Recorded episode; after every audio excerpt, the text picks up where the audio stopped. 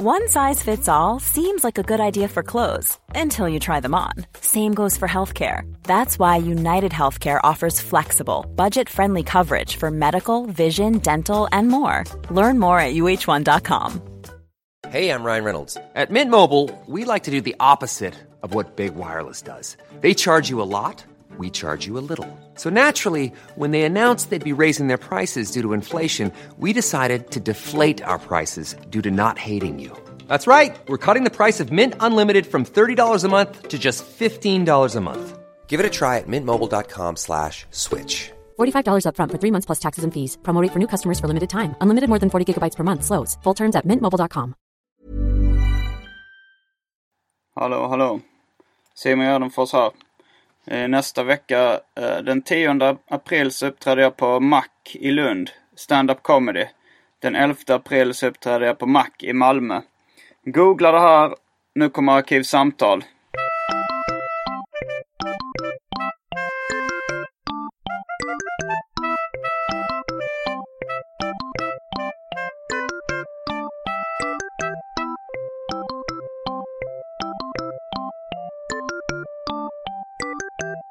Hej och välkomna till Arkivsamtal. Jag heter Simon Gärdenfors och mitt emot mig sitter komikern Messiah Hallberg. Ja, det stämmer. Välkommen hit. Tack, vad kul att vara här. Du, eh, du blev chockad när du kom in i min lägenhet. Ja, nej, jag, jag, jag slogs bara av... Um, jag parkerade här utanför så fick jag en väldig um, déjà vu-känsla för min, uh, min första kärlek bodde uh, här. På, på samma gata. Uh, en tjej som jag var oerhört förälskad i när jag var ja, 17, 18, 19 år. Som jag aldrig riktigt blev tillsammans med, men vi hängde ändå. Och sen så... Uh, ja, hon höll mig lite på avstånd och sen så tog hon in mig lite och sen höll hon mig lite på avstånd. Så det var så här, den första gången jag verkligen upplevde den där smärtan det kan innebära att vara eh, olyckligt kär eller o, ja, obesvarad kärlek. Ni kysstes aldrig? Jo, det gjorde vi. Och vi gick väl till och med lite längre än så utan att bli alltför snaskig. Men eh, det blev liksom inget, eh, jag ville ju mer ha, jag ville ju mer att hon skulle hålla om mig. Mm, Du vill bli ihop med henne? Ja, precis. Mm. Men, det, Eh, men hon bo, du minns inte vilket nummer det var på gatan? Nej, Jag tänkte det kanske kunde vara i den här lägenheten. Ja, nej, jag minns att det, jag, nej, jag skulle bli förvånad. Och sen så tror jag också om du hade bott här nu ett tag så, så skulle det ha krockat. Jaha. Ja, för hon, det här var ju då 2000, ja, 2003, 2002. Och då bodde Mm, Det var ja. ungefär då jag flyttade in. Ja, okej, okej. Så det finns en möjlighet. Men jag, ja, Ja. mm, Kan vara hon som bodde här innan. Vi, antagligen. Vi säger det för, för det står ja. men, eh, men du är inte uppvuxen i de här kvarteren? Nej, jag är uppvuxen på uh, Sankt Eriksplan. Mm. Så Eh. det här att du, att du är från Östermalm är bara Ja. en image-grej? Det är bara en image-grej. Nej, ja, jo det är det ju. Sen, sen har jag ju, för mig, eller det man märkt är väl liksom, om du lämnar Stockholms innerstad Mm. och pratar med folk ute i landet så är ju eh, mycket innanför tullarna. Kanske Södermalm lite exkluderat för det har en egen vibb. Men om man kollar Kungsholmen och Vasastan och Östermalm, det är ju lite samma sak egentligen. Det har ju blivit det, det har blivit väldigt gentrifierat och, och Vasastan, där jag växte upp nu, det var ju ganska medelklassigt och, och ganska trivsamma områden när jag växte upp. Nu när man är där, så Rörstrandsgatan och de här gatorna, det är ju de mest exklusiva och mest... Ja, det har blivit lite obehagligt. Det är mycket mäklar pappor och lattemammor som har flyttat dit. Det har, ju, det har ju hänt någonting med de där kvarteren också. Så att, um, Du har alltså aldrig bott på Östermalm eller? ja, jag bor där nu mm. utanför Östermalm i en, i en förort eh, till Östermalm som heter Gärdet. Du försöker ändå klämma in Ja, någonting visst, så här, ja, visst. för, för folk utanför Stockholm är det, Ja. är det ungefär samma sak. Men, visst. Ja, men så är det. vilken, men du bor vid, nej, vilken del av Gärdet? Eh, vid Djurgården, vid Cirkus Scott ungefär. Mm. Ja. Så uh, nära det grö- gröna. Mm. Men, eh, så du växte upp där vid Sankt Eriksplan? Ja, Och gick i precis. skolan där också? Precis, gick vi uh, Odenplan, Vasa Real och, och uh, Gustav Vasaskolan och Norra Real. Och, Mm. Så jag har alltid hängt, jag har alltid varit en Vasastans kille. Mm. Jag, har, kom, jag blev så förvånad nu. Eller så här, vi kom direkt in på boendegrejen. Så jag har inte riktigt hunnit presentera dig eh, helt och hållet ännu. För lyssnarna som Nej, kanske nej. inte vet vem du är. Nej. Vill du sköta den biten själv? Presentera dig själv. Eh, ja, men det kan jag väl göra. Mm. Eh, jag heter Messiah Hallberg. Jag är nyss fyllda 30 år och jag är eh, före detta journalist. Numera ståuppkomiker och humorist och manusförfattare och lite sånt. Mm. Ehm, ja. Och jag, ja, vad ska man säga? Jag, jag, eh, när jag började så var jag väldigt nischad. Eh, kostym, vit kostym, backslick och pratade mycket om mina förehavanden på Östermalm. Mm. Men eh, nu har du... Ja, men jag, jag vet inte, du har ju sett mig... Ja, jag har sett det ja, nu. Det, det, finns ju, det finns ju spår av den karaktären kvar. ja, visst. Det, absolut. och sen, eftersom jag inte känner dig, det är nog... Alltså jag, det är första gången jag pratar med dig eh, ansikte mot ansikte. Så, så vet jag inte hur mycket den personen eh, som är en del av det heller. Jag har hört lite intervjuer och sådär. Så att det är lite svårt för mig. Det är kanske det lite jag ska... Efter en timme så kanske jag kommer få en eh, lite närmare uppfattning. Ja, jag vet, jag gillar ju det där. Jag, när jag började så var jag ju, ja men då var jag ju väldigt mycket en, en eh, karaktär. Eller det var ju, det fanns ju delar av mig fortfarande i, jag har alltid sett stand-up lite som en terapi för mig själv. Att man kan behandla saker, mörka sidor av sig själv. Och sen kan man försöka göra det till skämt och, och eh, få det ur sig. Och, och liksom få folk att prata om vad som är moraliskt och etiskt försvarbart och, och sånt där. Jag tycker det är intressant. Och sen gillar jag också att, att, att jag inte riktigt vet själv var gränsen går mellan scenpersonen och mig själv. Mm. Eh, såklart jag är en annan person när jag är hemma med mina barn. Sådär. Men när jag är på scen så får man ju på något sätt diskutera. Det är en envägskommunikation som är rätt härlig. Man får vara hur pass narcissistisk man vill eller hur pass elitistisk man vill. Eller man får diskutera exakt ehm, på vilken nivå man, man själv vill. eh, utan att någon ifrågasätter det. Det är ganska befriande, Mm. tycker jag. Det tycker jag också. Um, jag kanske ska börja med, vi, vi behöver ju någonting att, att dricka. Så det är dags, det har blivit dags för det omåttligt populära inslaget Välj drycken.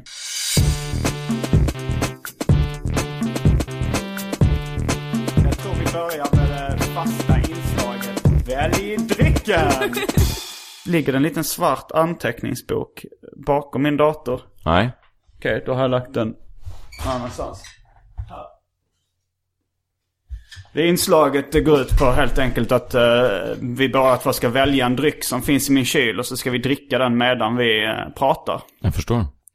Eh, och det är ganska utsorterat i min kylskåp nu. Okej. Det är folköl av märket Budweiser, eh, styrka 3,5. Mm. Pepsi Max, Okej, ja. Coca-Cola, vanlig. Ja. Eh, avslagen Vira Blåtira, avslagen Coco Bahia. Det är då två retroläskar. Som, Som finns nu eller som du har sparat i, i många Eh, år. Ja, s- alltså de, det, är, det är ett bryggeri som heter Vasa som har, har köpt gamla licenser till eh, 80-tals och 70-tals läsk.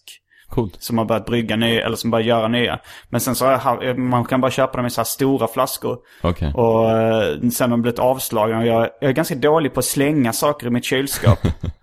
Eh, så därför finns även en flaska Heinz tomatketchup. Som är bäst före den första december 2012. Ja, den vill jag inte ha. Men jag har redan bestämt mig, eller är det slut på listan? Ja, det är, sen har vi för tråkmånsar och nejsägare vatten. Okej. Jag har aldrig smakat eh, Vira Blåtira. Okej, men Ja. då får du nog, den är hyfsat avslagen nu. Okej. Men du väljer den i alla fall. Ja, det gör jag. Jag gillar att le- leva lite på, på, på, på gränsen sådär. Men Mm. den är inte farlig på något sätt. Det kommer den inte vara. Alltså Nej. så den, eh, den är ju mm, socker. eh, Det, nu tänkte jag säga att socker är bakteriedödande, men det, var, det är en lögn. Men hur gammal, hur, hur, när köpte du den här flaskan? Kanske några månader sedan. Ja men, då, ja, men det blir bra, vi, vi tar en sån. Jag vet inte, vad smakar det överhuvudtaget? Eh, smakar godis, lite skumbananhållet. Ja, alright, yes. Då är vi strax tillbaka. Så jag tar, själv tar en folköl. Okej, En så kallad balansöl som Fritte Fritzson kallar den. gör det? Ja, det är en återställare. det, var, det var där jag snappade upp det begreppet som har blivit en del av min vardag i Man ska inte lyssna på honom tror jag.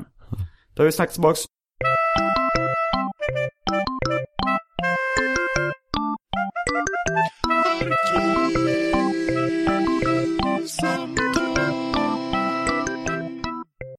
Ska vi dricka den nu? nu? Mm, Nu kan vi ta en Vira Blåtira. Vira Blåtira. Ja. Ja. Jag tar en Budweiser folköl. Var det några bubblor kvar? Mm, nej, inte jättemycket bubblor, men det var, det var väldigt blått. Kemiskt blått. Mm. Som fluorskölj. Och sen var det smaka skumbanan, som du sa. Mm. jag tyckte det var lite härligt. Ja, listerinfärg, precis. Ehm, ja, men det var gott. Trevligt. Nu har jag smakat det. Någonting man kan checka av på sin, på sin lista. Ja, sin bucket Ja, list. verkligen. Um, ja, jag, jag, gjort, jag tänkte först så här, ska jag göra eh, någon research på Messiah Hallberg? Men sen insåg jag att jag har nog faktiskt gjort eh, research tidigare bara av ren nyfikenhet. Att jag har liksom lyssnat på de flesta intervjuer och, och läst liksom på din hemsida och, och Wikipedia-sida om, det, om, om det finns en sån. Jag kommer inte ihåg. Jo, det gör det. Det är inte jag som har skrivit något på den. Jag kommer ihåg att det stod förut eh, ämnesområde. Eh, brats. Mm. Varenda.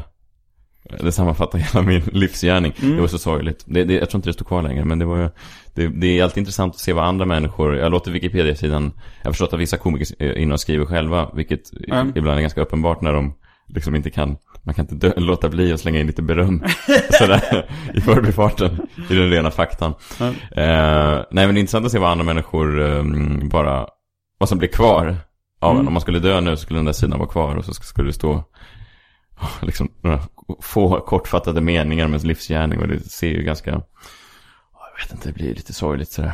Mm. Skulle du se dig själv som en brat? Nej, verkligen inte. Ehm, Men jag tänkte det när, när jag lyssnade på någon gammal intervju. eh, jag kommer inte ihåg exakt vad det var från. Men då berättade du att du så här, i uh, högstadiet eller gymnasiet hade, hade så här, haft en fejkad brytning och, och spelat uh, någon slags ja, förortsinvandrare. precis. precis.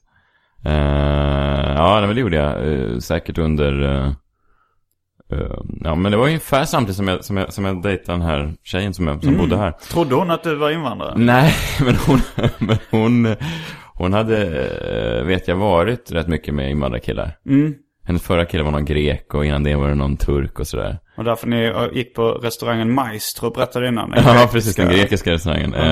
I mitt nej, men jag hade en, eh, hade en liten lätt brytning och så kunde det ibland bli, du vet, om det blev tjafs ute eller det kom fram andra invandrargäng så där på stan och sa Tjena mannen, sa de, var, var kommer du ifrån? Jag bara, jag vet, jag vet inte. Sa du att du inte visste vad du kom på? Det var ju svårt. det. Jag sa att jag var ifrån, eh, eh, ja, Solnabron brukar jag säga. Mm. För jag bodde ju på Solna, vid Solnabron, fast på, på rätt sida så att säga, vid Ja. Vasastan. Ehm, Men jag tänkte på det då, när, när jag hörde den intervjun så tänkte jag på att det, det, det är nästan ett genomgående tema i ditt liv då att ha, eh, att spela en karaktär på något sätt. Mm, För det var väl det du gjorde då också? ja, visst. Som kanske, kanske, eh, ja, inte låg helt långt ifrån din verkliga personlighet heller. Men, Ja, visst. men eh, har, du- har du liksom analyserat dig själv på det sättet liksom? För det, det är ju ändå ganska ovanlig identitetslösning. Mm.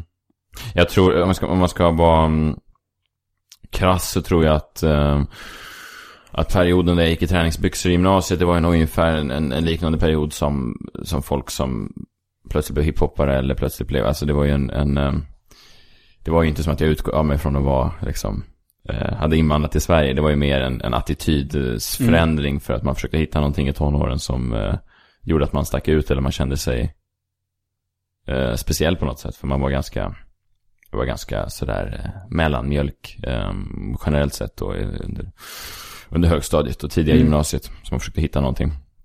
Eh, men sen är det ju, om man kollar senare i livet så är det ju, för mig är alltid artister eller de som jag har sett upp till eh, inom konsten och kulturen, det har ju varit en mytbildning kring dem. Jag, Mm. jag gillar ju den eh, manliga genikulten liksom. Sådär. Mm, mm. Eh, av en Hemingway som, som på skrev sin egen historia sådär. Ehm, och historien om sig själv. Och det är väl lite det som, när jag, när jag började med stand-up så var det lite det jag var intresserad av också att göra. Eller bröderna Gallagher och Oasis. Alltså jag gillar ju folk som var lite mer än bara Vardaglig är jag ju jämt. Jag är ju jämt, jag menar jag är hemma med mina barn. Hämtar och lämnar dem på dagis, diskar, tvättar. Eh, Ja. allt sånt där. Eh, sen när jag står på scen eller i offentliga sammanhang så... ehm, jag vet inte, jag, är inte, jag har aldrig varit intresserad av Mauro Scocco-typer. Eller den, jag gillar ju Ulf Lundell, liksom. Jag gillar ju Mm. den typen av mytbildning kring, kring personen. Ehm, så att det var, det var nog det. Det var egentligen, jag vet inte, det har alltid varit, det kom ganska naturligt för mig. Mm.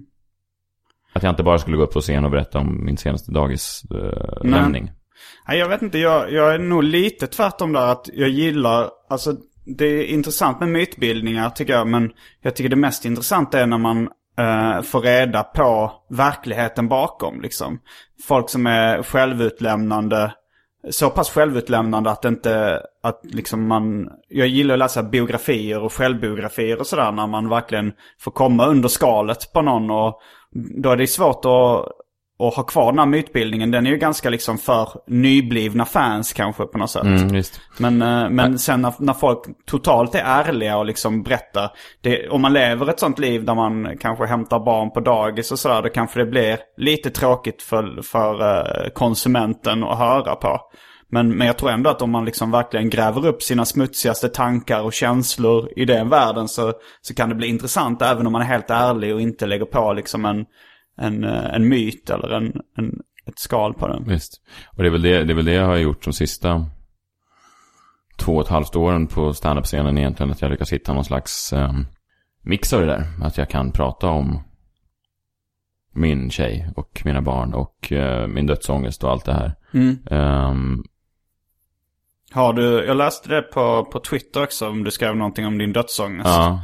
Är det, är det någonting du har haft länge? Ja, det har jag. Men, men det har lättat väldigt sedan min pappa gick bort. För jag tror Mm. att jag, jag levde liksom eh, genom honom. Eller jag var väldigt, han var en äldre man så jag var rädd att han skulle gå bort hela min. Jag fick reda på hur gammal han var när jag var 6-7 år. Och sen Ja. så, så... Hur gammal var han när du var 6-7 år? Eller Då var han, eh, vad var han då? Han hade precis fyllt 70 tror jag. Oj, så han, alltså han var i Han var, han var, se- han var 16 år 60-årsåldern. när han fick mig då. Mm. Ja, ehm, Har du med fler syskon eller? Mm, jag har två äldre. Så jag var sladd, sladdbarn.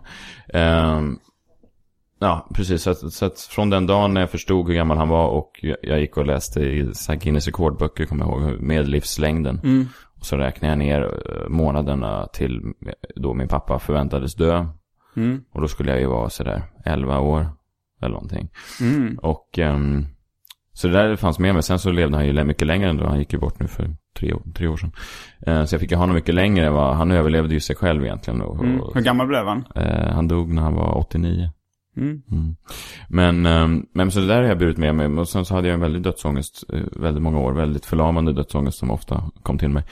Men sen när han dog så det släppte lite grann. Men det Mm. finns ju fortfarande kvar. Jag menar, folk som lever utan ångest. Jag vet vissa komiker som, som pratar om att de inte har någon ångest och de har, känner inte av det. Jag förstår inte. Jag ser inget intresse i sådana människor. Jag, Ja. jag, eh, jag får inte ut något av dem. Det, det, det är som att, jag vet inte. För mig är det helt ointressant. Mm. Men din pappa var skådespelare? Han var skådespelare och Sveriges första barnstjärna och Sveriges sista resande teaterproducent. Mm. Så han, Var, var han Anderssonskans Kalle i Mm. den? mm, han var den första Kalle i Anderssonska Kalle. Mm. Ja. Vad har han mer gjort för, vad gjorde han mer för? Ehm, ja, men det var hans första. Sen gjorde han ju Hemsöborna och filmade med Bergman och...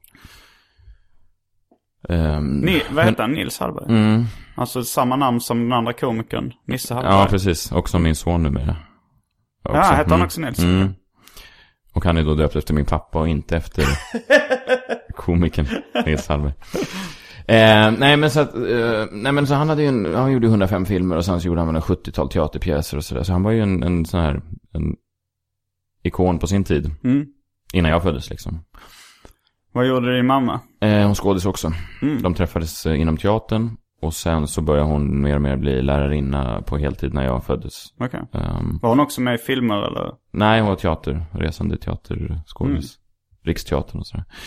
Så att jag kommer ju från en kulturfamilj så att eh, sen, jag menar vi har väl levt ett, ett gott liv ändå sådär. Vi har ju inte, vi har inte svultit men vi har ju um, ganska långt ifrån en brat Mm. eh, familj. Vi har ju inga bankirer i släkten så att säga. Men du har ju ändå den här, eh, på något sätt, brat-sättet att prata på. Alltså, jag det? eh, Även nu? eh, Ja, även, även nu, skulle jag säga. Ja, Alltså, jag, den, jag, jag har eh, hört det, men jag... jag ehm, ja, men det, det är det jag säger också. Jag tror att det, jag tror att det kommer... Man pratar om Vasastan, Östermalm. Jag tror att det finns en innerstadskultur i Stockholm som är lite... Är lite sån. Alltså, Mm. det, jag menar, mina vänner som, som har vuxit upp med mig, de är ju... De ser lite ut som jag. Och det är ju folk som... Ja, de, de ja, du har, inte... det är ju privatpersonen eh, Messiah Hallberg som är här idag gissar jag på. Mm, Men du ja, har ändå så här bakåt slickat hår och... Ja, lite och, lätt. Ja, lite lätt bakåtrickat och eh, en rosa piké-tröja. Jag säger det, jag vet inte riktigt vad det ena, vad det ena slutar och det andra tar vid. Nej. Men, men på standup-scenen är det ju fortfarande... När jag började det var det ingen som hade egentligen gjort eh, ren, ska man säga, karaktärshumor. Alltså det fanns ju så här Ronny Jönsson och Ronny Ragge och sådär. Men då var det, Ja. eller Sean Banan eh, kom samtidigt. Men då, Ja. då var det så uppenbart att det var någon slags eh, studentikost, Ja. eh, så. Steve Meloiden och Ja, liknande. jo, men det, fann, det fanns ju såklart karaktärer i, i Sverige. Men det var ingen som hade gjort det, vad ska man säga, det hundraprocentiga... Jag var ju in character konstant de första ett och ett halvt åren när jag gjorde intervjuer och allting. Det var ju, Mm. jag ville ju inte bryta på det där för jag tyckte att det var jävligt, jag gillar ju det. Men sen Mm. förstod jag också, eh, för jag är en gammal wrestling-fan också. Mm. eh, Och det var ju en dödssynd. Då var man ju, då var man ju sin karaktär jämt. Det var ju, Mm. Man var ju the bad guy, men då var man the bad guy även liksom, så fort man syntes. Ehm, så att det var ju det. Men sen märkte jag efter ett och ett halvt år också, det var då min, det sammanträffade då när min pappa gick bort också, att man kände två saker. Dels att jag ville, när han gick bort så ville jag börja prata om saker som var, låg närmare mig eh, på ett privat plan. Mm. Jag ville prata om mina barn och min familjesituation och eh, ja, ångesten över livet. Och också att folk generellt sett var inte vana vid vad jag gjorde. Så att det var ju väldigt många som faktiskt trodde att det där var jag exakt rakt Mm. av. Och i intervjusituationer så fick jag aldrig några frågor om vad försöker du säga, vad vill du, vad vill du, vad vill du åstadkomma, vad är det du försöker belysa. Utan det var alltid, frågan jag fick var, ja, så vilken champagne gillar du att dricka? Eller, Mm, mm. Eh, har du några favoritfik på Östermalm? Och det var så långt ifrån det jag egentligen ville. Men jag trodde att folk skulle se det. Jag, jag använde ju det alter egot som, som eh, Bret Easton Ellis när han skrev American Psycho och försökte Mm. liksom komma åt yuppiekulturen från ett annat håll. Mm. Men det var väldigt många som läste den boken och bara tyckte att han var en skön kille. Alltså, men jag hade i för sig inte uttalat självbiografisk. eh, Eh, nej, fast han, fast han, ju- han, han eh, när han skrev sen Lunar Park, Mm. som var, vad kan det vara, 13-14 år senare, så, som är liksom quasi-självbiografisk. ehm, då, då skrev han ju om American Psycho att han hade väldigt svårt att förstå hur någon inte kunde se den uppenbara ehm, ja, driften med, med yuppiesamhället och, Mm. och sådär. Eh, men det där är intressant. Det finns ju alltid sköna grabbar som tycker att störda grabbar är sköna grabbar. Jo. Uh, Wolf of Wall Street är en annan eh, mer aktuell film där folk går därifrån och tänker att fan vad skö- skön han verkar vara. Så. Jag har inte sett den. Nej, men det, det, det, det är samma typ av ehm, problematik Mm. som Martin Scorsese har ifrågasatt för. Glorifierar han det? D- Den typen av svinigt börshajsleverne? Eller försöker han kritisera? Ja, du vet, vilket. ehm, och det där är ju någonting man får försöka jobba med, tror jag. Som jo men avsändare. så, så är det ju liksom. Det är, ju- det är alltid svårt att bena upp även i sådana liksom filmer som. Jag kommer ihåg eh, debatten kring eh, liksom filmer som Stockholmsnatt och Sökarna. Mm. Eh, att, ja, på något sätt så är det ju regissörerna och, producenterna och sånt säger ju säkert och kanske till och med lurar sig själv att det är mot våld och mot kriminalitet. Mm. Men det är ju rätt upp, det var så väldigt uppenbart hur de filmerna påverkade ungdomar liksom. Att de stod och kickade eh, så här round kicks ute på gatan bara dagen efter. Och, och självklart så tror jag att även de som gör filmerna är väldigt fascinerade och tycker det är coolt liksom med våld. Mm, visst. Det Visst. Och det där är, men det är intressant som avsändare av någon slags kultur eller konst. Om vi nu får in, innefatta stand-up inom konstsfären så det finns ju komiker som hävdar att man alltid måste ta ansvar för hur mottagaren tar emot skämtet eller materialet. Mm.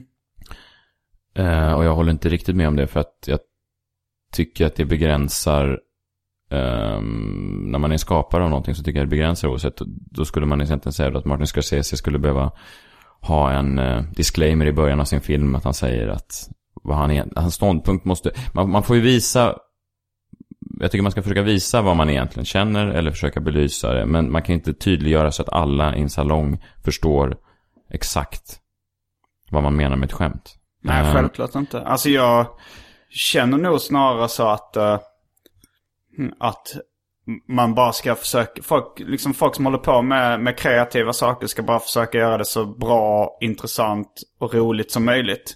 Och sen det här med ansvar, det känner jag att det är ett pris som jag tycker är för högt för att betala. Alltså så här, jag tycker att det är vik- mycket viktigare att konsten blir bra än att liksom det påverkar samhället på andra sätt moraliskt. Så jag, jag ser hellre att det kommer ut en bok som förstör samhället men som är bra underhållning. För, för på något sätt så tycker jag det är viktigare. Alltså så här, kronan på mänsklighetens verk är ju ändå liksom kultur och underhållning på något sätt. Och det tycker jag inte vi får... Det tycker jag nästan, nästan inte man ska liksom lägga band på överhuvudtaget. Liksom. Så får det bli, de, man får ta de negativa konsekvenserna, konsekvenserna som finns. Jag vet inte om jag kan backa upp de åsikterna till, till 100%. Nej, nej det finns ju alltid, Ja, finns ju jag alltid undantag. Ja. Men, vad skönt att höra, för då är vi ju samma åsikt. Men det är, det är ju ganska, mm, det har ju varit ganska mycket debatter kring, ja men mycket i Sverige nu. Det är ju, alltså folk får ju, man får ju tänka sig för i alla möjliga sammanhang på gott och ont. Jag menar, Mm. det, är, ju- det är ju givetvis bra att vi är väldigt uppmärksamma på all form av sexism och rasism och homofobi och, och så vidare. Allting i, i det avseendet. Mm. Ehm, men sen ibland då när man ska föra över de parametrarna till kulturen så finns det ju, jag, jag vet inte, till exempel om The Office, eh, brittiska The Office skulle gått upp på svensk tv idag. Ja. Ofiltrerad, första gången en svensk kille skulle ha skrivit den. Med exakt samma skämt och, och samma innebörd. Jag undrar om den hade tagit sig igenom ehm, kultursfären med vissa, vissa, vissa av skämten och så vidare. Jag, jag, det finns ju inlägg i den som är som skulle kunna tolkas som både rasistiska, sexistiska, homofobiska. Det är tydligt för, för alla som förstår att det inte alls är avsändarens mening. Ja.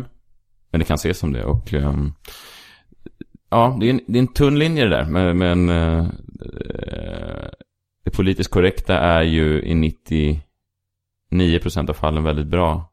Eh, men ehm, det finns den där procenten också som är lite, som kan störa mig ibland. När, när det finns någon slags, när folk verkligen vill försöka misstolka eller missförstå eller misk- misskreditera um, Jo. saker.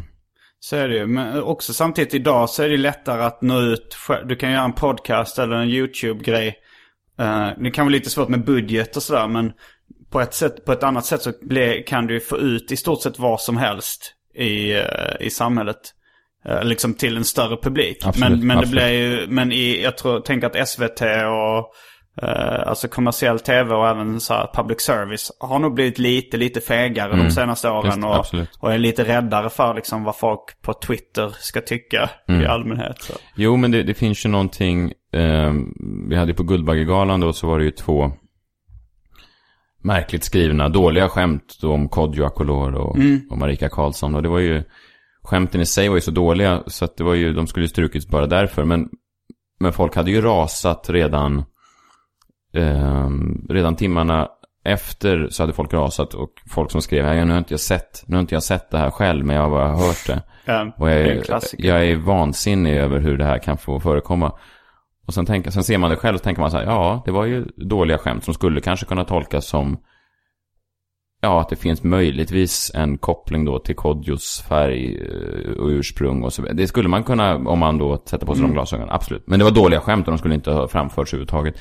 Och när man är på sån minerad mark så måste ju skämten vara sylvassa och i stort sett perfekta för att kunna, om det överhuvudtaget ska finnas någon mening. Man ska inte balansera på någon slags rasistisk lina bara för att, utan då måste det finnas någon slags poäng med det, tycker jag. Ehm, men, eh, men det är intressant det där med folk som rasar så direkt. Och vi vi lever i ett känslosamhälle nu där folk bara känner saker konstant.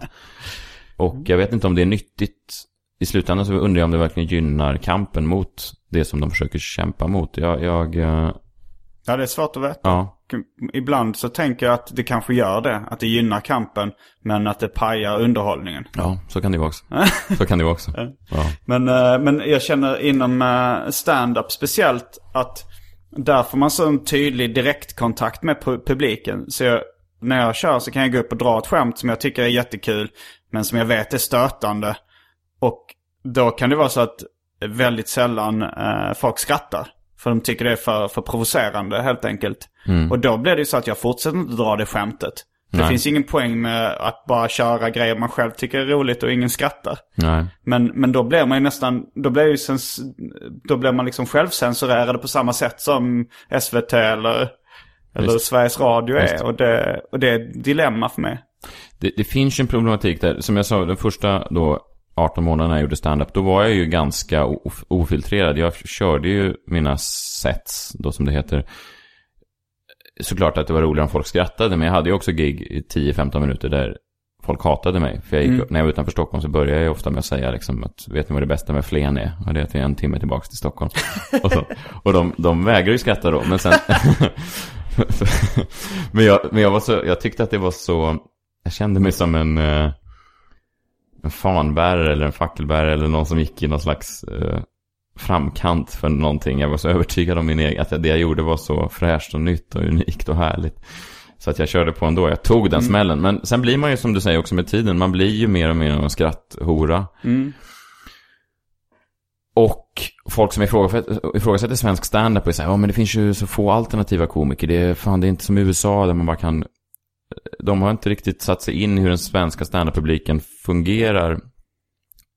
Det är som du säger, det är så det fungerar. Möter du en stor publik där vissa skämt, oavsett hur bra de är, gång på gång inte får med sig publiken för att en svensk publik sitter och tänker så här, vad fan är det, vad är det nu, vågar vi skratta åt det här, är det här någonting? Våg- till slut försvinner det skämtet och till slut så har man också, och dels då med, med vad tv-kanalerna promotar, vill du, ha, vill du ha en karriär inom det, vill du kunna tjäna pengar på det, vill du kunna leva på det.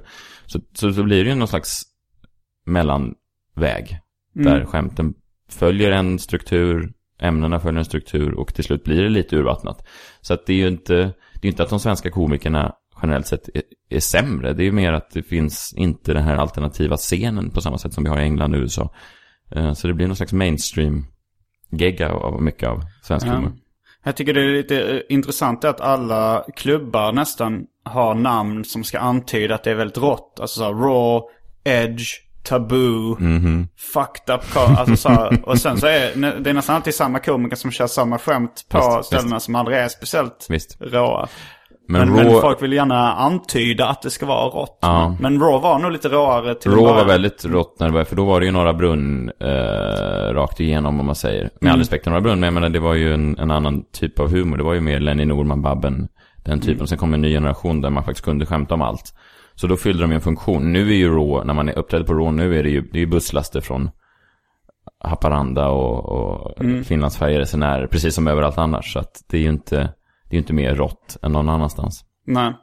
Kanske lite, om man jämför Norra Brunn och Raw så är det lite... Ja, det är det. Det är det. Jag var på Norra Brunn nu i, i lördags och eh, då var det en ovanligt gammal publik. Alltså man ser många människor som är nära döden. Mm. Och så avslutade jag kvällen och, eh, nej men jag var väl nöjd. Det var väl så här, en dag på jobbet, bra, bra gig. Men det var ju också, i de grövsta skämten så var det du vet, folk som, nej, man hör ljudliga så här, nej, från gamla tanter. Kan du någonstans njuta av den? Nej. Ja, jo, jo, det ska jag. Fast nu när man avslutar, jag hade tänkt gå ut, jag avslutar just nu på ett, på ett ganska grovt skämt. Och, ehm, och så fick jag den reaktionen. Och då var jag tvungen att fortsätta lite till. Och så dippade stämningen lite. Så gick jag av lite när jag inte var på topp. Och så, du vet, och det är allt man ältar då den kvällen. Att man tänker, fan också.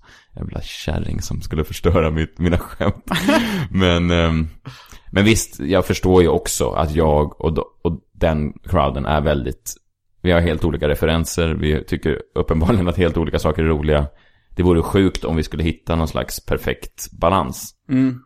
Fast samtidigt när man är headliner, man, är, man avslutar, då vill man ju också, det är som du säger, det, man, man anpassar sig egentligen mer än vad man skulle vilja göra ibland. Mm. Jag kommer ihåg första gången jag såg det uppträda. eh, det var på Big Ben någon gång för några år sedan. Jag vet inte hur länge du hade kört då. Men då, det tycker jag var jävligt roligt. Men då, sa, då också, då drog du ett skämt eh, om att ta tempen på barn i anus. Just det. Och, och jag, jag skrattar jättemycket. Jag har ju ganska vulgär humor. Ja. Men jag märkte också att det var väl jag och två till kanske som Japp. skrattade. Även Japp. på Big Ben som Ja. är känd som är ganska... Och sen har jag aldrig hört dig eh, Nej, nej. dra det skämtet nej, det skämtet drar jag inte igen. Fast eh, din fru, flickvän. Ja, hon, hon, eh, hon har Ja. ett liknande skämt. Ja. Som är bättre. Och men det kanske funkar bättre ur kvinnligt perspektiv. Jag tror det. Och sen har hon lagt till en twist på det som jag, jag skrev aldrig klart det skämtet. Mitt skämt var bara just att min son älskar att ha tempen i stjärten och att jag misstänkte att han var homosexuell. Ja, just, nej, det, i det, när jag sa det på Big Ben så var det typ att det var din sons kompis. Ja, den var- bögaste killen Ja. på... Just det, så var där. det. Att hans, just det, min sons kompis som alltid var hemma hos oss och ville jämt ta tempen.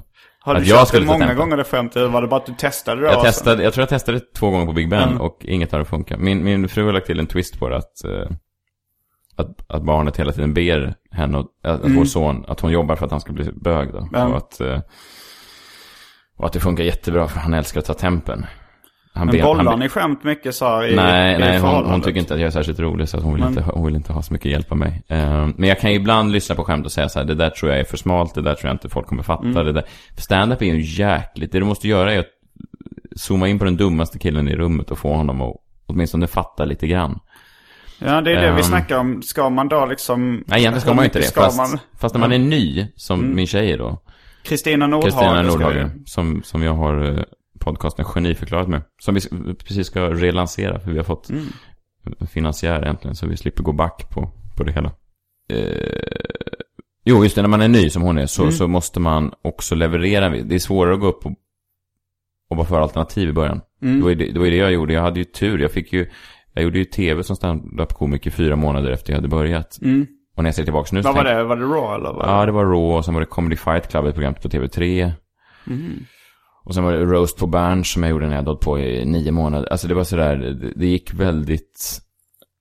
Det rullade på, jag var lite...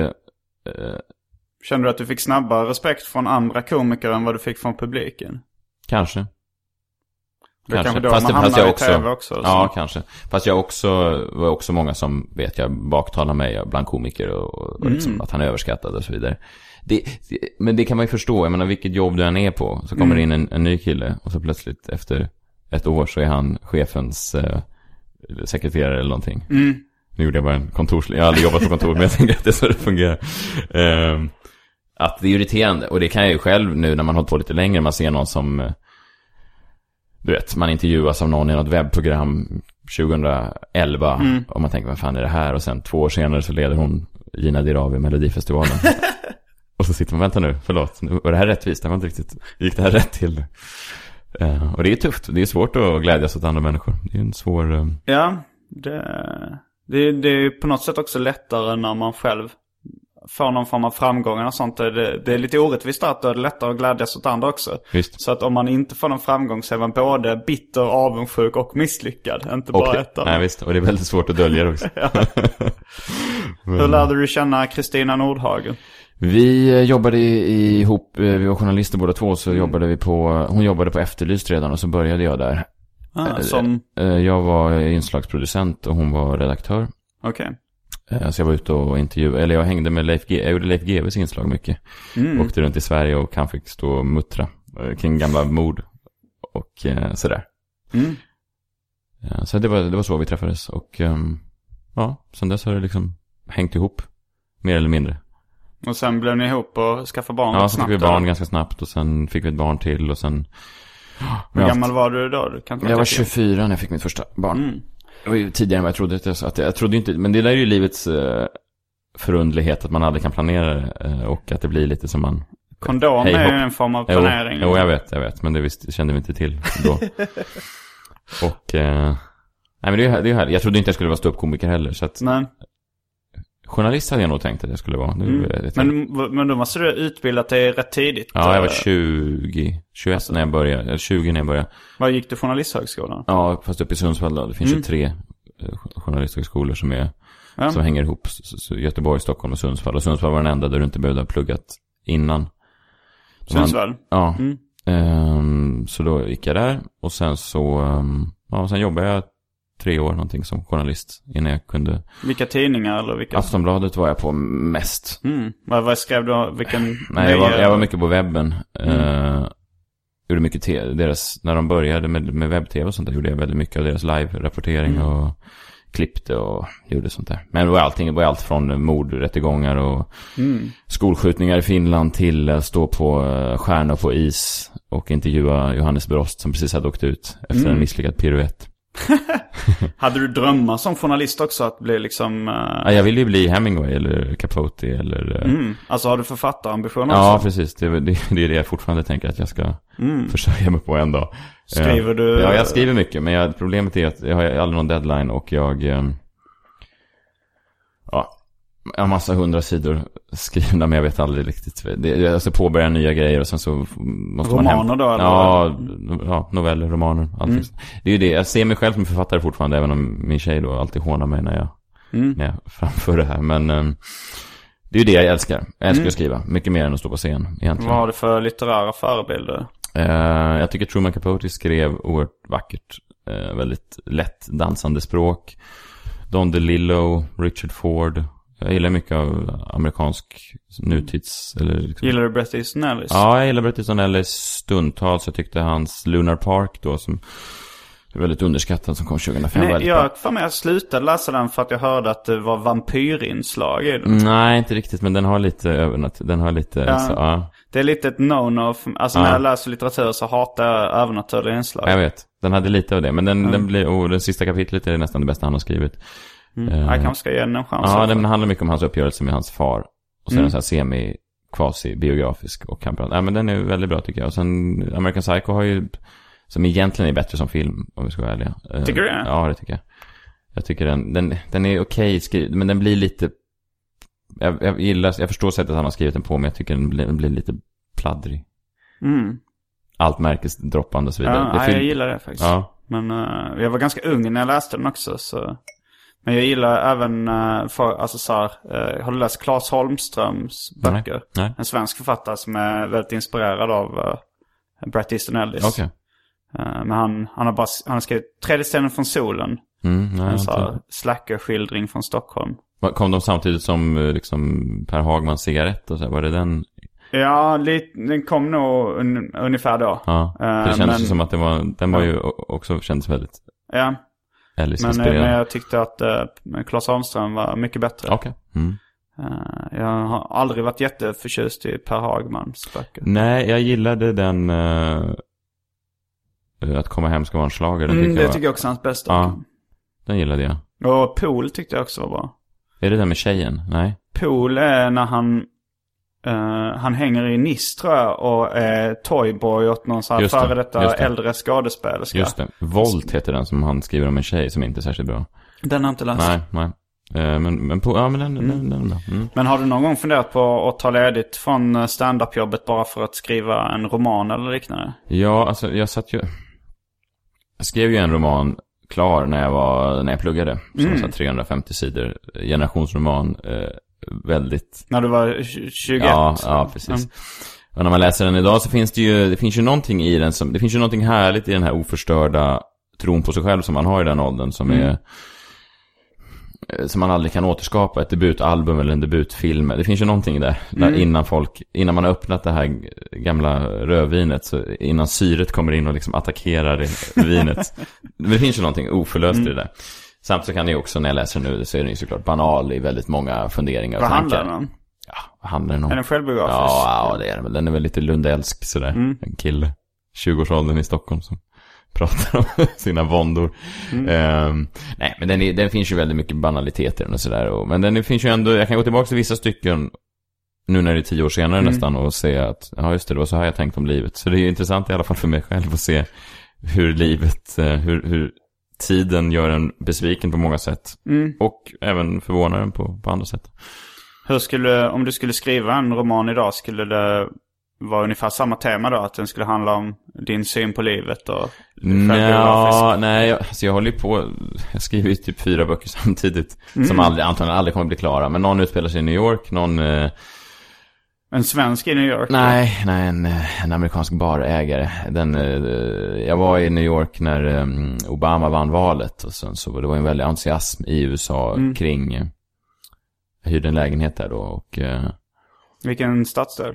Soho, en gammal, en, en ganska sunkig tvåa sådär, men jag, jag var bara där en månad. Men, men det fanns ändå en entusiasm där, och så började jag skriva där, man gick runt och pratade med folk, och det fanns någon framtidstro efter Bush då. Och så det vill jag ta ett avstamp i, och sen så har jag suttit och filat på den. Fast det, den, ja, så den är väl halvklar. Det är en bok, och sen finns det... Men sätter du dig då ibland eh, när barnen gått och lagt sig och skriver lite då? Ja, nej, men det, jag, jag antecknar mycket och sen går jag hem och skriver och sen så Problemet är att när man gör sån fragmentarisk Det tar ju väldigt tid Jag tror att man Mm. egentligen ska sätta sig ner och Som du sa, bara verkligen Mala Vilket jag skulle kunna göra på dagarna Men då är jag fullt upp och spela in podcast och, och i Mm. tvättstugan och sådär Uh, sen är jag lite lat också, det är också ett problem tror jag. Är du, är du lat? Ja, lite grann. In, in, inte när jag måste göra någonting, men när jag inte måste det. Jag tappade bort Ja, men, men liksom när jag, om jag inte har en deadline eller någonting. Ah, Okej, då är du, ja. du lat. Okej. Har du några fasta rutiner på, eh, på när du skriver och sådär? Nej. Nej, men jag försöker göra det så fort jag... Alltså jag skriver ju någonting varje dag. Antingen skämt eller eh, podcastmaterial eller romaninlägg eller sådär. Men eh, jag tror att det är svårt att skriva en roman på 300 sidor när man gör det så fragmentariskt. Det blir så utspritt och det blir... Inte dåligt, men det blir ju inte klart liksom. Men eh, hur, gör, hur går det till när du skriver skämt? Jag ehm, kommer på en tanke. Brukar spela in den på mitt röstmemo på min iPhone. Mm. Och sen så eh, brukar jag försöka gå ner till någon av gratisklubbarna och, eh, och testa den. Mm, du skriver inte ut eh, ord för ord? Nej, jag skriver, ut, jag skriver ut punkter ungefär vart jag vill att skämtet ska ta vägen. Okej. Några ställen där jag tänker att här kanske folk kan skratta. Mm. Lite bredare punkter liksom. Och sen så kan jag försöka vara lite smalare däremellan för att... Drömmen är ju de skämten som man har. Jag har ett nytt skämt nu där jag säger att jag, jag är väldigt nöjd med, nöjd att folk... Eh, det, är, en liten mening men det är bara att, att jag, är, jag fyllde precis 30. Och jag vet vad ni tänker. Du ser ut som ett vackert barn. Men så här, tack. Men jag är som Venedig. Jag ruttnar långsamt inifrån. Och folk fattar den liksom, för att jag la till det där att jag förtydligar, skriver folk på näsan. Men det, det, det finns något här. Det, Du menar att förtydligandet är att du ruttnar långsamt ja, precis. För att en idiot då tänker att, vadå Venedig? Han är väl ingen stad med båtar. så att när jag la till det så fick jag även med mig den dummaste killen i rummet. Eh, Men det tycker jag är ett vackert skämt, för jag, den liknelsen över livets, eh, att man, man är fräsch på utsidan men man känner att och sen går jag in i en rutin om att, att, jag, att de, vill, de kommer dra ut en tand här nu för att den är rutten. Och så, så att det, det är det som händer när man fyller 30.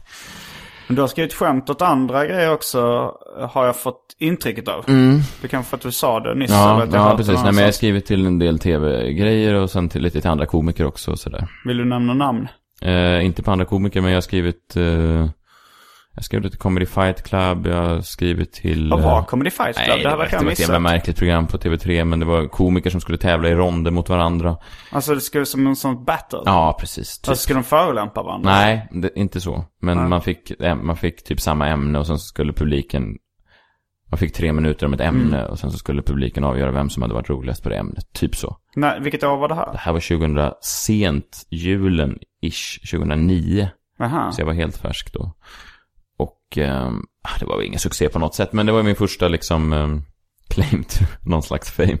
Mm. Ehm, och... ehm, Hur fick du det? Eller vem var det Nej, som det var, kontaktade dig? det var Fredrik Andersson, komiker.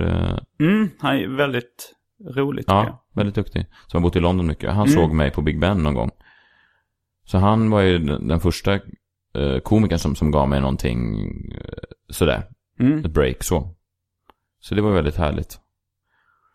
Och så var jag med i Roast på Berns och då hade Schyffert sett mig någonstans när jag gjorde fem minuter på Norra Brunn eller någonting och, och ja, sådär. Så det var ju, sen rullade det på lite grann. Men jag har skrivit, vad fan har jag skrivit till? Um, ja men, Halv åtta hos mig, sådana grejer. Skämt till det, Helge Skog. Du vet. Har de skämt i det programmet? jag Ja har men inte du vet, sett nej, nej. eh, nej men du vet, spiken där, det ska vara Men- lite rolig. Mm. Sådana grejer och... Vilka, vilka produktionsbolag Eh? ITV, Meter, Mastiff. Men gör du mycket sådana... Nej, jag har inte gjort det nu. Det var länge sedan jag hade ett sånt jobb. Eh, Men jag skulle gärna göra det för att jag börjar bli väldigt trött på att resa runt. Mm. Jag, eh, mina barn så, eller i alla fall min dotter börjar bli så stor nu att hon ifrågasätter varför jag gör det. Mm. Och så känns det så billigt att säga bara jo för att pappa försöker fylla ett hål i sitt bröst. Det är inte billigt men det kanske är sant. Ja, det är sant ja. kanske, Ja, det är lite kanske smärtsamt. förstör hennes syn på världen. Ja, precis. Ja, men sen är det också att man behöver, man behöver pengar. Menar, det, så är det ju. Men jag, har Ja. inte- jag har inte råd att. Om någon erbjuder mig 10 000 i ett kuvert för att komma upp till Kiruna så Mm. tar jag ju det för att jag, för att mina barn måste äta. Men, Och vad ska jag göra? Skaffa ett riktigt jobb. men, eh, men, men, det, men försörjer dig mest på stand-up nu? Ja, det är det väl. Det är det väl. Stand-up och, eh, och sånt. Sen håller vi Vad på... är och sånt? Nej, men vi utvecklar ett TV, tv-program nu. Mm. Tillsammans med ett filmbolag. Som vi hoppas på. Eh, Som vi har suttit och skrivit på ett år någonting. ehm, Och fått lite stålar där och Mm.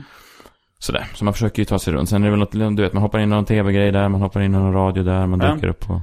Ja, du gjorde det här Million Dollar Messiah. Just det, precis. Det var ju förra årets um, stora projekt som jag Ja. gjorde. Jag såg um, när du intervjuade Jason Alexander. Mm. Han var ju fantastiskt rolig bara. Var det, var det improvisation för hans del? Ja, det var det. Från, bo- från, från bådas del egentligen. Eller jag hade ju tänkt lite vad jag såklart, jag, hade, jag visste ju såklart vad jag ville ha utav det. Men det man märkte väldigt tydligt med honom var ju att George i Seinfeld George i. Seinfeld. Mm. Eh, han var ju då, Million Dollar Messiah var ett program som gick på eh, Aftonbladets webb-tv där jag reste runt jorden som min karaktär. Som den vä- världsfrånvända playboyen utan vänner. Och eh, eh, försökte vinna miljoner på, på att lära mig spela poker. Och sen så gjorde jag, det, poker var ju, en- var ju en del av programmet, det var ju det som finansierade programmet. Men sen gjorde jag ju, allt det roliga var ju, hade ju ganska lite med poker att göra egentligen. Mm. Det var ju rena sketcher eller liksom improviserade möten, typ Borat. Mm. Eh, och då träffade jag då Jason Alexander som var i Las Vegas för att prata poker. Mm. Och så kom han in och han gjorde väl miljontals intervjuer och sen så råkade han stöta in i mig då istället. Och sen satt vi och snackade lite. Ja, det var, ni bara, det var ingen liksom inbokat möte? Jo, jo, det, jo han, visste, han visste att han skulle träffa någon från Swedish TV. Mm, mm. Typ så.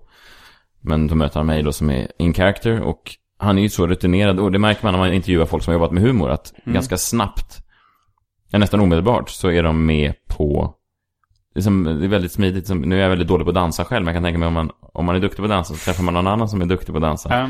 Så blir det, man finner varandra lätt på dansgolvet. Det blir liksom lite som Ja. en fin... Han hade skaffat hår. Ja, det, det fick man inte nämna tydligen. Aha. Ja, så det nämnde jag inte, jag kände att det var onödigt. Eh, men, uh, ja, men det var härligt att, att, att dansa lite med honom. Han var ju väldigt skicklig och rolig och eh, improviserad och fin. Ja. Vad gör han nu för tiden? Ja, jag tror han åker runt och spelar poker. Och eh, jag ho- hoppar väl in lite. Han var ju med i Simma Lugnt Larry, Curb Your Enthusiasm för Ja, några säsonger sedan. Och han behöver väl inte jobba så mycket. Han gör väl Nej. lite film och tv och sådär. Men med de pengarna så. Var det, var det en idol? Ja, verkligen. Mm. Nästan en av mina, Mm. en av mina första humoridoler, verkligen. Det är väl en Jason Alexander till och med? Nej, George Costanza då, men det är väl Ja. en av de roligaste humorkaraktärerna som har skrivits. Jo, Och, det eh, kan jag nog hålla med om. Men jag älskar ju Larry David kanske mer för att man fattar att det är han som har Mm, skrivit det visst. och, och bygger. Visst. Men eh, har du sett eh, den här senaste filmen som Larry David gjorde? Eh, Clear History. Nej. Det var också, den var, den, eh, det var någon som bara sa att den hade kommit och jag, bara, jag kände varför har inte jag blivit informerad? För jag var så eh, stor liksom Curb-fan. Och sen plötsligt hade han gjort en film istället. När kom den här? eh, förra året. Okej. Eller till och med kanske i, i år. Vad är det för månad? Jag vet inte. Det Maj? Nej, det var nog Mars? förra året. Ja. Men det var, det var som ett långt avsnitt av Simma Lugnt Larry, Jaha, okej. helt enkelt. Ja. Fast de utspelar sig i The Hamptons. Och han är med själv, han spelar själv. Ja, Ja. fast han spelar inte eh, sig, han spelar okej. inte sig själv Larry Okej. David utan en karaktär som ligger fruktansvärt nära Larry David. Mm. Men det är samma skådisar som är med i slutet, eh, eh, de senare avsnitten också. Okej. Så den, ja, alltså det, den är ju som ett eh, hyfsat avsnitt av Simma Lugnt Larry. Mm. Men längre. Okej. Det, det är Mm. inte, det, man blir inte så här, eh, man tappar inte hakan. Nej. Men det, det... Men vad, vilka var dina humorfavoriter som barn och ungdom? Eh, nej men det var, när jag upptäckte Seinfeld så var det en, en riktig sån ögonöppnare. Mm. Verkligen. Och då, jag älskade ju Seinfeld. Jag hade alla, bandade alla avsnitt och satt och Mm. Klippte ihop dem på VHS. Liksom. Mm. Man satt och pausräckade för att få bort reklamen och sådär. Satt med två videobandspelare för att försöka göra någon slags tidig, um, alltså en DVD-version innan DVDn. Mm. Där man bara fick the shit och ingenting annat. Um, ja men så det, det var ju det och sen, um, ja, men så här, kollade jag väl på mycket så här Robert Gustafsson och sånt där. Men, Mm. men det var ju aldrig, jag, jag ligger ju ganska långt ifrån honom. Jag insåg ganska tidigt att jag inte var någon sån dialektal snubbel komi- nu är Robert Gustafsson inte bara det, han är väldigt duktig skådis också. Men jag menar, jag, det sen när jag väl började själv så förstod jag att det, det var inte min styrka, utan jag var mer en, en textman eller en... eh, Mm. Jag, jag kunde skriva bra skämt och leverera dem på någon slags halvdant sätt liksom. Jag var inte... Var det Seinfeld som fick dig att vilja börja med stand-up? Eh, jag skulle säga... mm, Ja, jag gillade Seinfeld. Jag gillade Eddie Murphy väldigt mycket. Mm. Eller hans Raw och Delirious. Och sen så sen, det som hände sen var ju att eh, Ricky Gervais kom med The Office. Som Mm. jag började kolla på då 2003. Jag köpte den DVD-boxen, kommer jag ihåg. Och ehm, jag blev helt eh, slagen sådär av den. Jag tyckte den Mm. var så briljant. Det var liksom, jag tyckte det var helt fantastiskt. Och eh, sen såg jag Ricky Gervais stand-up då. 2005. Men hade han börjat med stand-up då? För han sa, jag läste någonstans att han, att han försökte sig på stand-up innan The Office. Ja. Mm. Alltså gjorde kanske en fyra fem gig som gick åt helvete. Och sen eh, gjorde han The Office och blev en stjärna. Och efter det så kunde han, ja, Mm. Fylla nästan teatrar. givetvis uh, fylla teatrar. Och, och Ja, han, gick in, han gick ju in, han skippar ju de här första tio åren som suger alla ståuppkomikers Mm. liv. Och gick in på någon slags headliner, superstar-nivå direkt Mm. som, som ståuppkomiker. Eh, men jag, jag, jag älskade han. Många säger att han är överskattad som ståuppare. Jag tycker snarare att han är jävligt, jävligt duktig. För att han gör någonting annat också. Hans första Animals Mm, från jag sa det 2005. nyligen. Ja, den är jävligt, jävligt bra.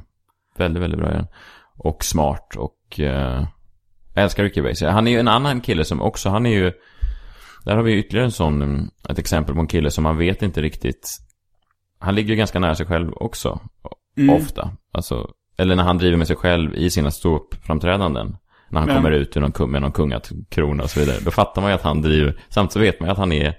Det finns ju någonting där i det. Han Mm. gillar ju att höja upp sig själv också.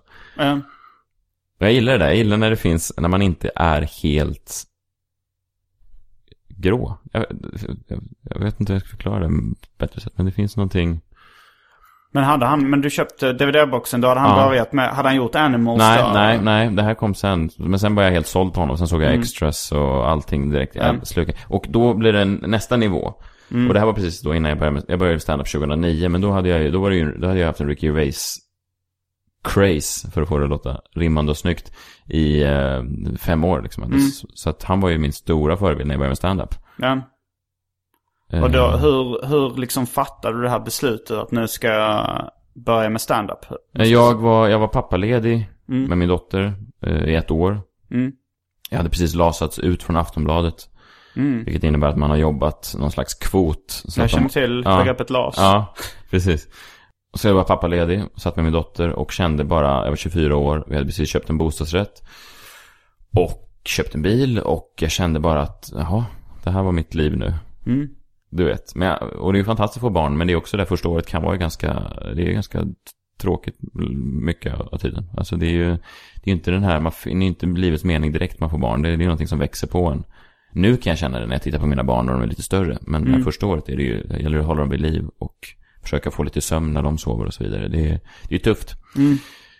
Så då tänkte jag, vad fan jag måste göra någonting med mitt liv. Mer än att bara, ja, mer än, mer än det här. Ja.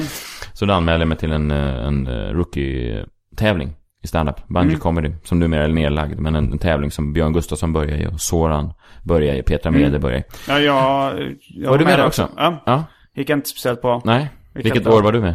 Eh, Sista året de hade det. Okej. Så jag började för exakt ett år sedan. Mm.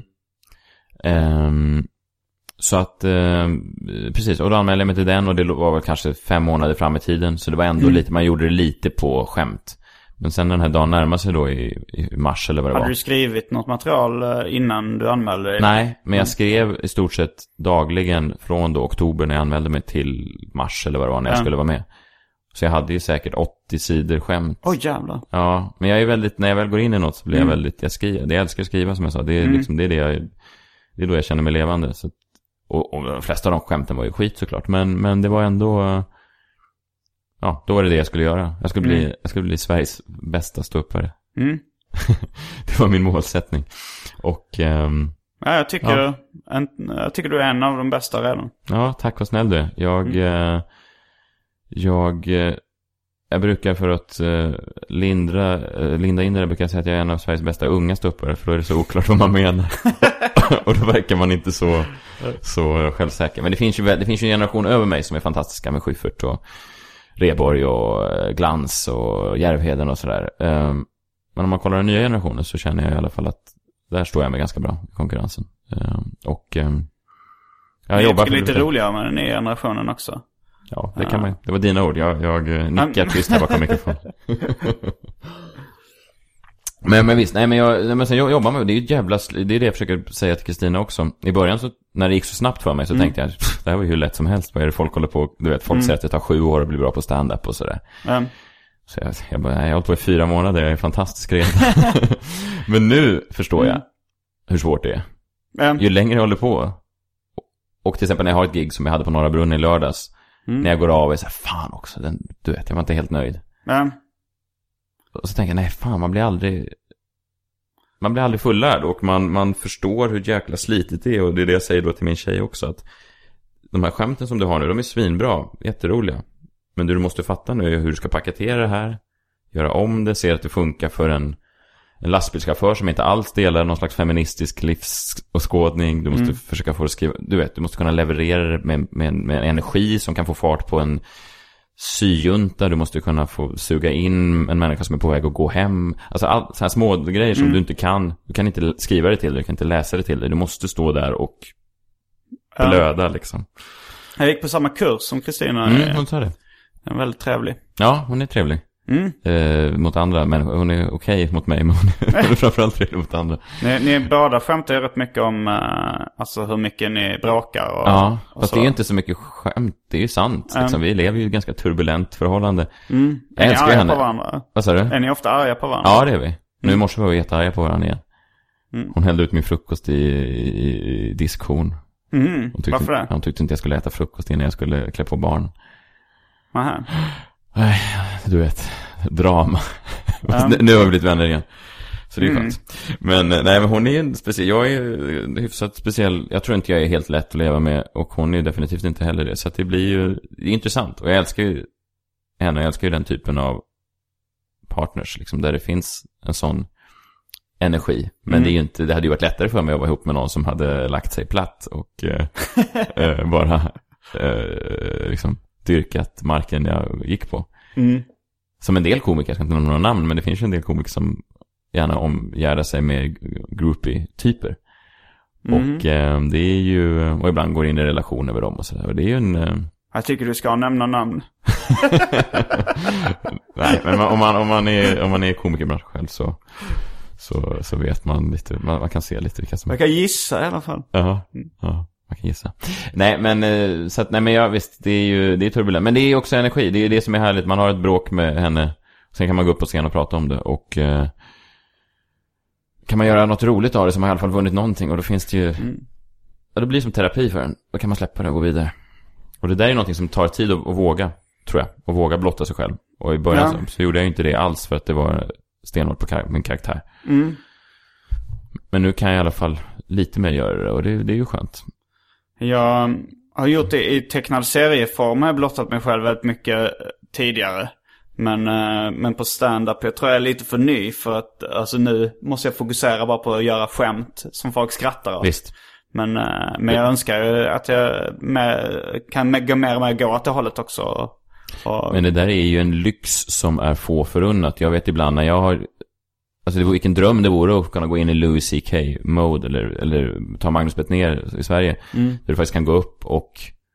Ja, det behöver inte ens vara... Nu är de ju jätteduktiga såklart. Men du behöver inte ens vara jätterolig hela tiden. men, För att folk har betalt 400 spänn för att gå och lyssna på dig. men, Du vet. Men alltså, ibland när jag går upp med den känslan på Big Ben och bara står och orerar om något tjafs jag haft med min tjej så till slut så är de så här, men vi bryr oss inte om det här. Kan du, har du något skämt annars kan du gå av scenen. Så det är väldigt, man ska ha nått en nivå innan Ja. man eh, faktiskt kan blotta sig själv och sin, eh, och det, ja. Innan, det måste finnas något slags intresse tror jag. Ja. Ehm, men frågan är eh, hur, alltså så här, det är frågan är ifall Magnus Bettner till exempel började med eh, snabba skämt och sen gick en, jag har ingen koll på hans Mm. Nej, tidigare karaktär, nej. eller tidigare karriär. Nej, Nej han har väl alltid haft den stilen. Fast det var ju mer, det var ju mer skämttätt Mm. förut. Eller det var ju mer, eh, jag vet när han började såg jag någon, någon special han gjorde. Nu inte jag något stort Bettner, eh, jag kan inte liksom hans grejer sådär. Men jag såg något klipp från Norra Brunn. Han pratade om att, ja det var dyra tomater på Hötorget eller någonting sånt där. Och det tror jag inte han skulle göra idag. Men, eh, men, eh, men det handlar ju om att etablera sig. Och få ut Ja. ett intresse och göra sig ett namn och sådär. Och, och det var ju så jag tänkte i början också. Även om ingen kommer ihåg skämten så var det i alla fall, folk kommer ihåg, ja det var han med backslick och vit kostym som var ett as. Um, Han var, det fanns någonting där. Vi hatade honom, men det fanns någonting där. Jag visste vem han var i alla fall. Mm. Men du snackade någon gång om i, att du sa de första 18 månaderna, var det fram till så att din pappa dog då? Mm. Där var en tydlig, tydlig vändpunkt. Det var en tydlig vändpunkt. Det var andra gången. Han dog några dagar innan jag spelade in um, eh, mitt andra Raw eh, Comedy Club-set för Kanal Mm. 5. Så då slutade jag det sättet också med, jag hade med mig en käpp då som hade tillhört min pappa på scen och så sträckte jag upp den i skyn och så sa jag, min pappa stod på den här, det var på Maximteatern i Stockholm. Mm. Och min pappa hade stått där många Mm. gånger. Ja, så sa jag att det var fint att stå här igen och så tackade jag min pappa och så höjde jag upp den där käppen i, i, eh, i skyn. Eh, och där någonstans så var det lite döden för den här första Messiah Hallberg 1.0 Mm. karaktären. Den som många unga grabbar fortfarande efterfrågar och tycker att jag blivit soft och för snäll och eh, eh, sådär. Fast man kan, inte, man kan inte uppfinna, nu har jag inte uppfunnit hjulet, men man kan ändå inte uppfinna det många, hur många gånger som helst. Nej. Eh, man kan inte skriva 101 skämt om hemlösa och tycka att det att fortfarande få en kick av det. Jag, jag gjorde det där. Väldigt nischat, väldigt eh, bra, jag var nöjd med det. Men, Men det du var- säger fortfarande att du är från Östermalm på scenen. Ja, ja, men det är mest för att det, det är roligare än att säga att jag är från Vasastan. Mm. det finns en tydligare dramaturgi i det. Jo då. Eh, Men, men, men ändå kanske du, eh, om du nu liksom eftersträvar en mer självbiografisk aha. ton så, så, ja, det kanske, Ja, vad ska jag säga? Att jag bor på Gärdet? ja, Ja, jag vet ja, inte. nej. Jag vet inte, Nej. det beror på vad du vill ha fram Ja, poäng. precis, alltså precis. så här, ifall du, ifall du vill, Nej, men, men Östermalm använder jag ju rätt ofta nu som en, Mm. som en utgångspunkt i, vad ska man säga, det världsfrånvända och att det ja, finns... sig du bor ju nästan på Ja, precis. och nästan Östermalm har inte samma, samma klangbotten Nej, som... för sig. Ja. Men det ligger till. Jag tänkte att det inte lät, låg eh, speciellt nära. Men det gör det Nej, nej. Jo, men det, det är det ju. Det, Mm. jag går på två minuter så jag, Mm. ja, det, jag kommer undan med det. Men, men sen finns det ju också, jag menar jag gillar ju den nihilistiska uh, livsåskådningen som jag har på standup-scen. Liksom det här döds... Det finns ju någonting... Det finns något befriande Mm. i att stå inför en, ett gäng folk som precis har fått lön på Norra Brunn och prata om att vi alla ska dö. Du vet, Ja, ja. Det, det finns något härligt i det där. Eh, och... ehm, Har du en nihilistisk värdegrund? jag hade inte det alls. Jag var ju en väldig romantiker. Det är väl, Mm. jag jag, fram, men sen, jag vet inte. När min pappa dog hände någonting. När jag fick mina barn hände någonting. Det blev en mer, Roligt att man blir en nihilist när ens barn ja, föds. ja, jo, visst. Men det, det händer någonting när man inser, för, när man är med om födsel och död på så nära håll så se, inser man kanske att Nej, det kanske inte är så jäkla romantiskt alla gånger. Det kanske Nej. är ganska avskalat och ganska kliniskt och ganska... Men det finns ju ändå något romantiskt i livet som sådant och döden och Mm. det vi har. Men jag menar just att jag har nog lämnat all form av gudstro och sånt där. Har du Mm. haft en gudstro? Nej, men jag, jag var livrädd för att min pappa skulle gå bort. Mm, Så att jag tvingade mig själv till att tro på någonting. mm. Och eh, nu... Vad var det? Kristendom? Nej, jag vet inte fasen. Jag har ju lite judiskt i mig sådär. Men det var inte det heller. Jag, vet, jag hittade väl på något eget. Jag trodde väl på, som alla svennebananer, man tror på någonting. Man Mm. hoppas på att någonting ska ha någon slags mening för att man ska kunna rättfärdiga sitt, eh, sitt liv. Sådär. Vill du säga några slutord? Ja, men det kan jag säga. Ta hand om varandra. Mm. Älska varandra. Lägg inte era liv i Guds händer. Och eh, när ni får barn, försök att lära dem att världen är eh, ganska ofta en, en trist och ondskefull plats. Men när de är med er, se till att de har det bra. Ni pekar på det vackra i livet. Och sen så kan vi kanske tillsammans älska varandra trots att vi råkar vara nihilister. Var det okej? Med de orden avslutar vi veckans avsnitt av Arkivsamtal. Jag heter Simon Gärdenfors. Jag heter Messiah Hallberg. Fullbordat samtal.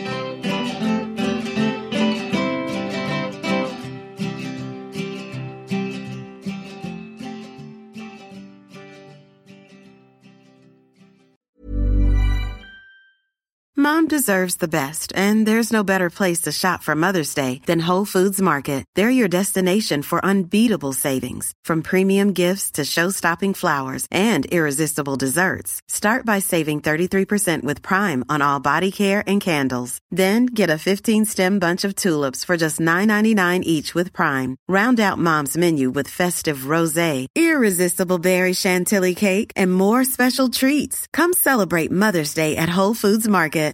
Hey, it's Paige DeSorbo from Giggly Squad. High quality fashion without the price tag. Say hello to Quince. I'm snagging high-end essentials like cozy cashmere sweaters, sleek leather jackets, fine jewelry, and so much more. With Quince being 50 to 80% less than similar brands. And they partner with factories that prioritize safe, ethical, and responsible manufacturing. I love that. Luxury quality within reach. Go to quince.com slash style to get free shipping and 365 day returns on your next order. Quince.com slash style.